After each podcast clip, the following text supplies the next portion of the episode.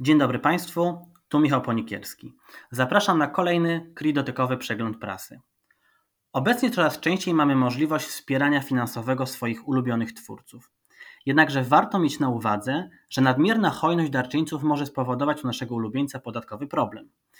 Niewielu bowiem ma świadomość, że wszelkie datki i wpłaty podlegają pod przepisy ustawy o podatku od spadków i darowizn.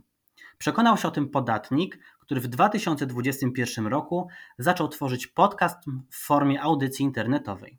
Chcąc pozyskać dodatkowe pieniądze na tę działalność, założył profil na portalu umożliwiającym zbieranie środków finansowych od wspierających w formie dobrowolnej wpłaty bez wypłaty ekwiwalentu dla darczyńców.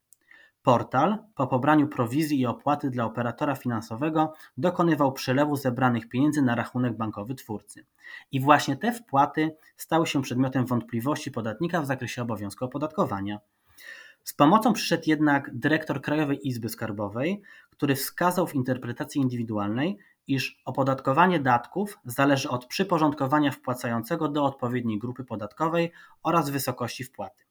Zgodnie bowiem z artykułem 9 ust. 1 wspomnianej ustawy opodatkowane jest nabycie od jednej osoby czystej wartości przekraczającej od 10 października 2022 roku 5308 zł, jeżeli nabywcą jest osoba niespokrewniona.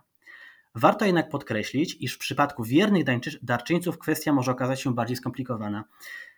Takim przypadku należy bowiem zsumować wartości rzeczy i praw majątkowych nabytych od jednej osoby w okresie pięciu lat poprzedzających rok, w których nastąpiło ostatnie nabycie. Jeśli suma kwot otrzymanych od, pojedyn od pojedynczego wspierającego nie przekroczy w ciągu pięciu lat kwoty wolnej, to wartość tych darowizn nie podlega opodatkowaniu. W innym przypadku podatnik musi niestety złożyć zeznanie podatkowe i zapłacić podatek. Mając zatem na uwadze powyższe, czasami wspieranie twórców to nie tylko wpłaty darowizn, lecz wpłaty darowizn bez wywoływania obowiązku podatkowego po jego stronie.